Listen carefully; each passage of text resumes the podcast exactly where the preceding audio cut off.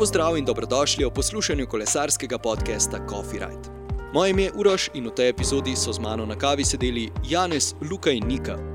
Kdo so Janez, Luka in Nika? Organizirajo maraton Alpe Scott. Pa prisluhnimo, kaj so mi povedali. Če ti je podcast Coffee Ride všeč, se naroči na Apple Podcasts, Google Podcasts, Spotify, Anchor in na trikrat dvojni web.coffeeride.com. Takole, danes v moji družbi Janez, Luka in Nika. Lepo zdrav sem. Živijo. Lepo zdrav. Živijo. Torej, kdo ste? Ena kratka predstavitev. Kdo vas bo predstavil? Janez, Luka, Nika. Vsak zase? Ok, kar izvolite. Sem Janez Jaram in uh, kot glavni uh, organizator, pobudnik, mi imamo zgodovino že pestro, kljub kratkem stažu našem. Ideja pa se je začela razvijati po asfaltiranju ceste čez Pavličevo sedlo, to je bilo okoli leta 2004, potem smo se nekaj vozili s kolesi okoli, pa sem pa rekel, kaj pa če bi mi organizirali nekaj podobne kot maraton Franja. In pa smo leta 2006 ustanovili društvo, 2007 je bil prvi maraton. Kaj pa drugače, s čim se ukvarjate? Z ničemer, trenutno. Z ničemer, ok. Janes je sveže upokojen, če lahko dodam. Ja, to, kar je povedal, v bistvu nas skupaj drži. Od prvega maratona naprej smo ena taka ekipa, ki vsako leto, pač, um, posebej zadnje mesece pred maratonom, aktivno sodelujemo. Jaz to drugače sama rada kolesarem, pozim malo več smučam. Če imam prosti čas, uh, kam odpeketam, odpotujem na kakšno krajše ali daljše potovanje. To je pa to, na kratko. Ja, jaz sem tudi strastni kolesar, že 25 let. Uh, najprej sem ukvarjal se z gorskim kolesarstvom, tekmovalno, potem sem leta 2004 uh, presedlal na cestno kolo, tudi sem tekmoval na slovenski amaterski sceni, državnih prvenstvih, mednarodnih maratonih. Leta 2007 sem se pa pridružil tudi kolesarskemu društvu Alpe, kasneje ustanovil tudi poleg maratona Alpe, tudi ustanovil amatersko ekipo KD Alpe, ki je še vedno zelo aktivna.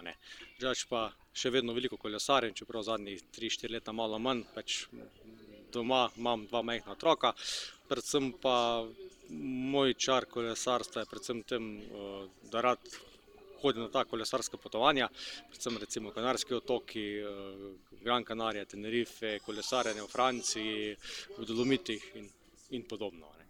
Superca, superca. Pa gremo zdaj kar v kontravrstnem redu. Torej, Luka, kakšno kavo rad piješ, kakšno imaš rad? Če jo sploh piješ, seveda.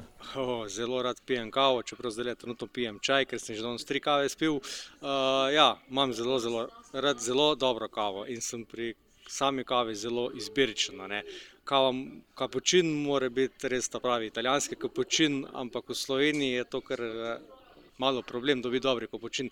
Tako da doskrat ne razkiram in se naročim kar dober espresso.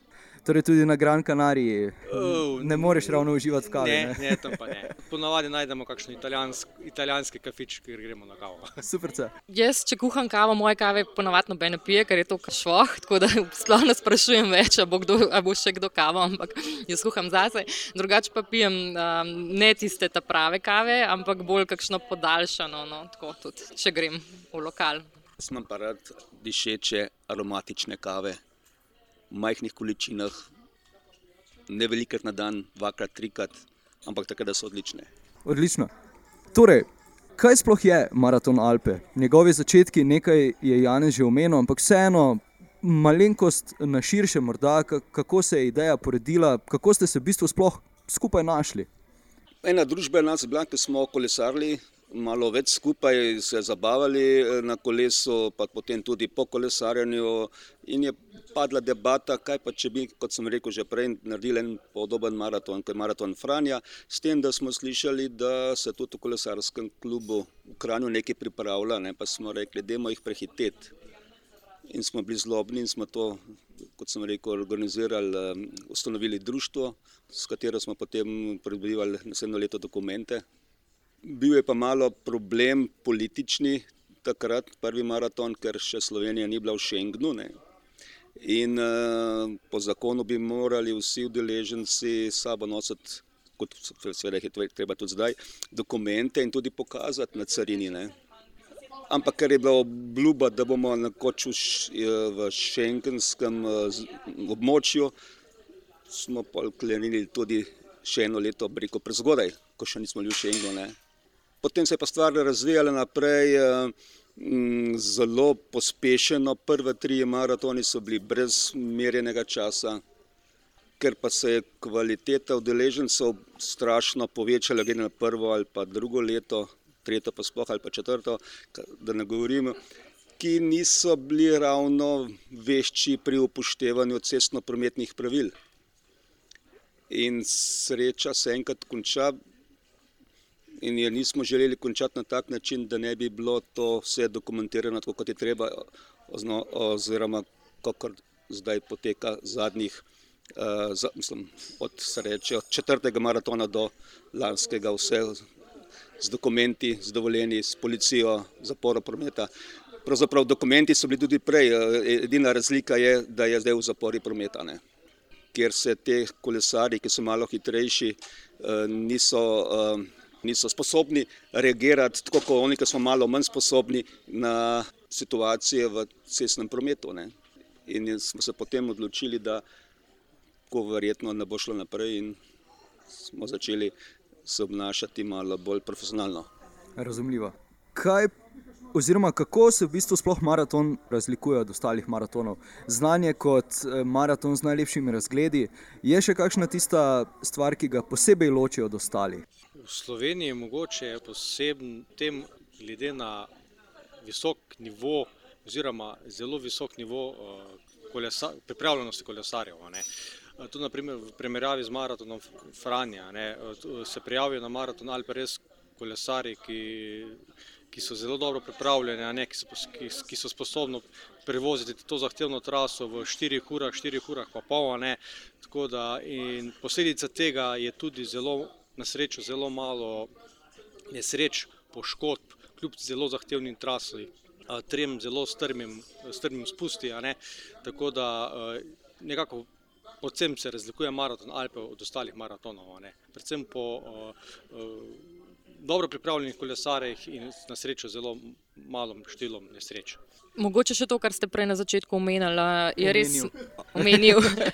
je res maraton z najlepšim razgledom. Pa v bistvu tudi, ko dobivamo odzive udeležencev, se, se nam zdi, ja, da so vsako leto najbolj, najbolj navdušeni ravno nad naravo, nad razgledi kjer maraton poteka. Eh, pa mogoče s slovenskim udeležencem je vse to malo bolj samoumevno, ko pa slišiš potem tuje, ne res vidiš, eh, v kakšni, koliko lepi naravi uh, živimo. Tako da mi smo poskušali že od samega začetka. No, tudi nekako vseh teh deset občin, kjer maraton poteka, povezati oziroma jih predstaviti tudi bolj eh, z vidika turistične ponudbe. In eh, dejansko je potem res nastal en turističen produkt. Eh, mi smo ga že v štartu poimenovali, poimenovali Krok okoli Alp. No, danes pa turističen produkt, pač pet ali šest dnevno kolesarjenje, nekako bolj self-guided tour je to.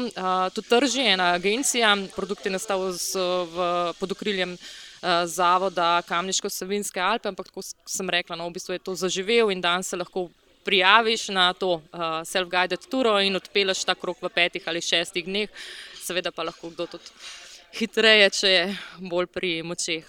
Odkot pa vseeno ideja za traso? Torej, prišlo je tisto asfaltiranje Pavličevega sedla, kaj pa ostale stvari, torej, da so vključeni trije klanci, kako je ta povezava potekala? Trasa maratona obkrožuje krajinski park Kamniško-Savinskih Alp. In uh, leta, pred mnogimi leti, leta 1976, je bil sprejet neki zakon o kolesarskih poteh. In um, več kot 70% naše trase poteka po teh poteh, ki so na, na črtu. Ne. Zdaj, če bi to uh, nekoč bilo sprovedeno, bi bilo to idealno, kot je Nika prej rekla, za prevoziti v etapah po več dni. Ne. To je ena zadeva, druga zadeva je uh, povezovanje z občino Železno kapljo. Ne. V zgodovini Avstrije uh, je bil prvi slovenski župan Franz Jožef Smrtnik, ki nas podpira uh, od vsega začetka.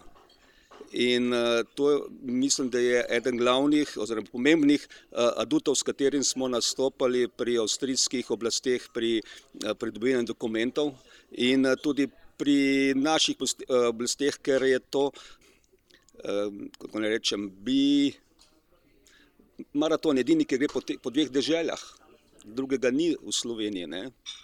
Mogoče to je glavna značilnost tega maratona, se reče, obkrožuje par kamniško-seminskih Alp in je dvodržavni. Ne? Zdaj, organizacija maratona se morda eh, tako v pogovoru sliši lahek zalogaj. Verjamem, da, da en kup eh, logističnih eh, preprek, ki jih je treba rešiti, eh, še drugih zalogajev, tudi na vse zadnje prostovoljcev. Kako v bistvu se lotiš organizacije maratona, na kaj vse je treba paziti? Spomnim se leta 2007, ko smo začeli pridobivati dokumente, uh, nismo imeli ideje, kaj je potrebno. Takrat uh, smo preštudirali zakon o zbiranju na javnih mestih, cestno, uh, zakon o cestno-prometnih pravilih uh, in uh, tu smo dobili nekaj informacij. Informacije od izkušenih kolesarjev, organizatorjev, ki bi nam pomagali, smo se čer pričakovali, ampak nismo od njih nič dobili. Tako da smo bili eh, čisto prepuščeni sami sebi pri teh zadevah in je bilo prvo leto najbolj stresno, kar se tiče organizacije do, do zdaj.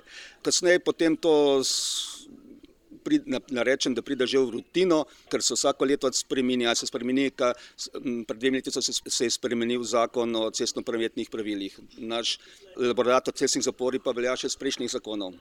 In lansko leto bo stresno to usklajevati nov zakon za elaboratom zapore, ki je veljaven, ker velja pet let. Taki eh, sladkorčki se vsako leto pojavljajo. Ne. Čeprav misliš, da pa letos bo pa vse šlo, kot treba, že vse znamo, ampak zmeraj se nekaj pojavi tacga nepričakovanega. Razumem. Koliko ljudi v bistvu sploh pomaga pri organizaciji? Verjamem, da vsi trije, vi trije ne, more, ne zmorete vsega, no, bom tako rekel. Dokumentacija je en delež teh problemov, potem je pa uh, radarske službe. To je bil ta glavni problem, kako prepričati ljudi v eni okolici, da bodo prišli tja na cesto stati in delati red. Na Gorenskem pol ure, v Solčavski dolini pa tri ure. Ne. Luka je kontaktiral svoje, ki iz tistih krajev doma, meni so pomagali razni prijatelji, ki poznajo nekoga na Jezerskem, nekoga v Cerklah, v Snčurju. Zdaj so pa ta, te ljudje, te radarje, več ali manj naši znanci, prijatelji, vsako leto se dobivamo uh, na pikniku zaključnem. Uh, v bistvu že oni sprašujejo, če jim ne javimo, ali letos pa maratona ne bo. Ne? To je za njih kar velik dogodek. Okrog 500 ljudi sodeluje vsako leto, no, tam nekje je ta številka, tako da tako kot je že tudi Janes povedal, ja, smo hvaležni za, za to pomoč, ker brez njih maraton Alpe vsekakor ne bi bilo. Poskušamo pa tudi vsako leto maratonu dati neko rdečo nit, neko posebno sporočilo. No, in ravno ob deseti obletnici, ob desetem maratonu smo to um, sporočilo namenili ravno njim, prostovoljcem, tako da smo jih poskušali tudi prek naših družbenih omrežij in drugih kanalov malo predstaviti, povedati njihove zgodbe in jim se jim v bistvu tudi na tak način zahvaliti za sodelovanje. Bilo je omenjeno, da so začetki bili morda v narekovajih, recimo, malenkost kaotični, zdaj vse skupaj gre po neki ustaljeni praksi. S tem, ko je prišel, recimo, profesionalizem, tukaj zraven je, verjamem, da tudi prišla kakšna doping kontrola, oziroma kako se v bistvu spopadate z goljufi. Verjamem, da na začetku sploh niste pomislili na to, da bi kdo po eni strani goljufal, ampak pač ja kako se zdaj v bistvu s tem spopadate, uh, ali pa na kak način so vse ljudje goljufali, morda ne, ne zgolj z, z tem, da bi jih bilo treba preganjati z dopingom ali kakorkoli. Organizatori smo že v prvih maratonih opazili, uh, so razmerno veliko število neprijavljenih kolesarjev, ne, ki so nam, organizatorjem, uh, povzročali kar veliko, veliko nevšečnosti in skrbi. Ne. Problem je v tem, ker se eh, neprijavljeni kolesarji sploh ne, ne zavedajo, kakšno, kakšne nevšečnosti oziroma v kakšen nevarni položaj lahko postavijo ostale udeležence maratona. Ne. Samo en primer lahko povem, če se neprijavljeni kolesar ne, eh, poškoduje na maratonu, recimo da doživi padec na spustu s Pavličevega sedla, ga mora rešilec, ki skrbi za ponesrečene kolesarje, ki so plačali štrtino na maratonu, ga mora oskrbeti in ga odpeljati v najbližjo bolnišnico. V tem primeru, če se pa to zgodi istočasno, oziroma malo kasneje, kolesarju, ki je bil prijavljen na maratonu, potem ta kolesar, ki je plačal štrtino, nima zdravstvenega varstva. Ne. To je tista najhujša oblika. Poleg tega pa smo opažali, da so, da so se nekateri prijavljeni kolesarji vozili v zavetrju, neprijavljenih kolesarjev, vplivali na potek samega maratona. Pa še bi lahko naštevali. Ne. Približno tri leta nazaj smo imeli pa tudi prvo doping kontrolo na maratonu Alpe. Rezultati so so bili na srečo vsi negativni, tako da to se Trkamo. tudi tako trkamo. Ja, to se tudi organizatorji želimo v prihodnosti, ne, ker bi bilo zelo, zelo žalostno, da se tudi na takšnem maratonu, na rekreativnih amaterskih maratonih pojavljajo kolesarji pač z nedovoljenimi substancami. ne. Tako da vsekakor organizatorji maratona si želimo nekako, nekako ma, ma, maratona, ki bi potekal brez, brez incidentov, brez, brez, brez nekih afer, brez česarkoli, kar bi nekako dajalo slabo luč na, na celoten maraton. ne. Absolutno. Zdaj, da kar malenkost zavijemo k malo bolj veseli temi, da ne bomo preveč eh, negativni. Torej, kaj pa je tisti en morda zanimiv dogodek ali pa kakšna anekdota, ki se je zgodila v vseh teh letih organizacije? Mogoče lahko povem ravno z prvega maratona leta 2007 eno anekdoto. Takrat sem jaz vozil zadnji avtomobil, konec maratona. Ne, in na vzponu na Pavličevo sedlo, ker je pač velja po izjemnem naklonu, 10% znaša poprečen naklon, uh, sem dohitel enega kolesarja iz Prekmurja, ki je enostavno po, po, po, povsem umagal, uh, sezul čevlje, kolesarske čevlje in v beli, belih nogavicah prepešačil cel, cel vzpon na Pavličevo sedlo. Ko sem, sem se obstavil ob, ob njem, a ne, sem pač ponudil pomoč, ali lahko pomagamo, se je samo nasmehnil in je rekel: "Gospod, uh, jaz takšnega klanca v življenju še videl nisem, kaj šele, da bi ga prekolesaril." a ne." Uh, ja, to je bila ena, ena izmed anekdot. a ne. Je bilo pa še tekom naslednjih maratonov kar lepo število anekdot in tudi nekaj aferic. Bo počasi za kakšno knjigo, ne? Ja, bi se že dalo kakšno knjigo napisati, ja. Super. Vsekakor. Super. Kot zan- zanimivost, um, pred ne vem, katerim maraton je to ravno bil, imeli smo v pisarni turističnega centra prijavno službo in tam nekdo mi reče, Janez, tole bi pa enkrat na maraton se prijavil, pa nima kolesa. Pa se z njim, kdo pa je to? In se pojavi tam nek gospod iz Nizozemske, reče, da je včeraj prišel v Kamnik, videl, da je maraton, bi se rad pelil, ima sabo eh, čevlje pa pedale, nima pa kolesa. Ne. Sem rekel, pa jaz posodam svojega. No in pol je odpeljal, imel je pa nekaj čez 300 km po nizozemski ravnini, pa šel pa na maraton. Ne. On je potem prišel še dvakrat na maraton. Ne. Vrhunsko. Omenili smo, da je eden izmed zahtevnejših maratonov v Sloveniji.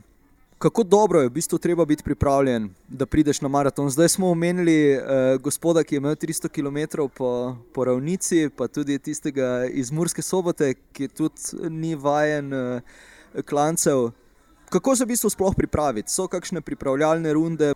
Ja, vsekakor. Pač maraton Alpe je kot najzahtevnejši kolesarski maraton v Sloveniji. Uh, zahteva vsekakor pripravljenost kolesarjev. Ne. V ta namen tudi vsako leto organiziramo, že lahko, lahko rečem, že kar tra- tradicionalno, en teden pred maratonom, oziroma tisto soboto pred maratonom, osem dni pred maratonom, skupinsko vožnjo eh, po trasi maratona Alpe, ne, ki je vsako leto zelo dobro obiskana. To je še tisto, kako bi rekel, zadnja možnost ogled, za, za ogled trase. So pa tudi v preteklih letih smo veliko, veliko krat organizirali skupinske vožnje v družbi profesionalnih kolesarjev. ne. Eh, S to prakso smo začeli leta 2012 v družbi Janja Brajkoviča in eh, Grega Boleta. Ja. Eh, te skupinske vožnje so bile res zelo dobro obiskane, skoraj 100 kolesarjev se jih je udeležilo, ne, kljub temu, da so bile organizirane tudi med tednom, takrat, ko so pač meri profi kolesarji časa ne, za, ta, za takšno skupinsko vožnjo. Ne. Tako da, ja, zadnje leto sicer nismo organizirali več teh skupinskih voženj s profi kolesarjev, ker so že postale kar preveč množične in potem se je že na samem na tej skupinski vožnji že včasih malo preveč tekmovalo med, med amaterskimi kolesarji v družbi z profiči. Ampak bomo še pa v prihodnje zopet ponovno probali organizirati kakšne, kakšno zvenečo ime slovenskega kolesarstva, ki jih je v zadnjih letih kar lepo število povabili na skupinsko vožnjo po trasi Maratona Alpe. Torej, ja, omenil si kolesarjenje z, z znanimi imeni oziroma znanimi kolesarji iz Slovenije. Kaj pa uh, kot udeleženci maratona? So bili kateri? Verjamem, da so bili, pa če jih lahko kar omenimo. Ja, vsekakor. Leta 2009 z, uh, zmagovalec maratona Alpe je bil Luka Mezgec, takrat še uradno gorski kolesar kot velika zanimivost, ki jo ne smemo pozabiti, je to, da je Luka, Luka takrat zmagal maraton za zlomljeno roko, z malcem na desni roki. Vsekakor leto 2012, najbolj vroč dan v zadnjih letih, ko je bila temperatura kar 38 stopinj Cenzija, takrat je zmagal nihče drug kot Primoš Roglič. Potem leta 2010, moramo tudi ne smemo pozabiti na ženske. Ne, je zmagala uh, Urša Pintar, sedaj uh, najboljša slovenska cestna kolesarka. Ne. Prav, da se tudi spomnimo, žal, že pokojnega Jureta Robiča, ki je, dva, ki je sodeloval na prvem maratonu leta 2007 in je uh, dosegel, uh, če se ne motim, peto mesto v absolutni razvrstitvi. Uh, Jure je na tik pred ciljem, oziroma tik pred ciljem, dva km pred ciljem, nesrečno padel, a ne se pobral in, in odhitev proti ciljem, kljub pad so dosegel odlično peto mesto. In to je do, to peto mesto dosegel, mislim, da kakšen dober teden po vrnitvi iz uh, dirke preko Amerike Rama. Ja, Verjamem, da jih je vsak imel nekaj. Pa kakšen je vaš v bistvu ultimativni copyright, mogoče ker uh, Luka stavo pričneva? Oziroma, katera je tista trasa, ki si jo prevozil, pa bi jo še stokrat, ker ti je bila toliko všeč? Bom rekel, dve trasi obstajata. Ena je v Sloveniji, ena je pa na Kanarskih otokih. v Sloveniji, če bom rekel, da, maraton, da je moja najljubša trasa Maraton Alpe, se bo slišalo preveč klišejevsko, zato bom rekel, da je moja najljubša trasa tako imenovani Kamniški krok kamniški krok, ki ga vsi kolesari iz okolice Kamnika zelo dobro poznajo. Lahko bi rekli tudi nek mini maraton Alpe. To je pa trasa dolga 75 km. Prav tako se boje tri prelaze. To so prelaz Lipa, prelaz uh, Kozjak v Tuhinski dolini in prelaz Črnivec. 75 km, uh, 1200 višinskih metrov, prav tako krok z zelo lepimi razgledi. Uh, za ta to traso velja, če jo prevoziš v dveh urah, pa pol, oziroma manj, si vrhunski amaterski kolesar. to se pravi, povprečna hitrost mora biti točno 30 km/h. Kaj pa na Gran Canaria? Ne, Tenerife, spon na, na okay. el, legendarni LTD. Pa, kljub temu, da je spon dolg 40 km, bi ga lahko prekolesaril še stokrat, če bi ga želel. Super. Ja, če lahko rečem, kolesarski pornič. Super, seveda lahko. Moj pravi coffee ride je ženo, ko se peljem na predvor, da se vzamemo čas za kavo in za kolo. Super, super, vrhunsko. Jaz grem polet, uh, ko je dovolj toplo, zelo rada do, na jezersko. Sicer gremo pa lahko rečem skoraj vsako leto tudi skupaj ali v Italijo ali v Francijo kolesar za kakšen teden dni. Pa moram reči, da takrat pa se mi zdi najbolj uživam na, na spustih, na, ker se mi zdi, tako, ker greš skošnega prelaza, ker se mi zdi, da si takrat um, najbolj sam tako v glavi, nikjer nobenega, z nobenim se ne moreš pogovarjati in tako, da je res en tak uh, trenutek. Uh, ki ga imaš zase, pa, pa v bistvu uživam na spustih. No. Super, super. Takole, uh, v bistvu smo pri koncu. Še morda kakšna sklepna misel za poslušalce, za tiste, ki morda kolebajo, če bi prišli na maraton ali pa ne, karkoli, kar vam pade na pamet. V bistvu ni razloga, da se človek kolesar ne prijavi, ne, da ne gre. Ker če ne bo šel, ne bo vedel, kaj je izgubil, kaj, a, a, oziroma kaj je prevozil v družbi kolesarjev. To ni isto, kot če se vozi sam. Res je. Drži, plus to, da smo raven odprli tudi prijave na maraton Alpe, uh, tako da vabljeni, da že zdaj. Se prijavijo, Tako, kaj ne. tako. Okay, super. Najlepša hvala vsem za pogovor in pa se vidimo na maratonu Alpe, kaj ne? Hvala tebi za povabilo. Upam, da bo ta eh, podcast prepričal tudi dvomljivce, ki so do zdaj dvomili eh, in se ti zahvaljujemo za to povilo. Malenkost. Se vidimo 5. julija v Kamniku. Tako je, Evo, super. Janezu, Luki in Niki še enkrat najlepša hvala, da so si vzeli čas za kavico in pogovor. Mi se ponovno slišimo prihodnji petek in seveda vidimo na maratonu Alpe Scott. Če ti je podcast Coffee Right všeč, se naroči na Apple Podcasts, Google Podcasts, Spotify, Anchor in na trikrat vojni web.coffeeright.com.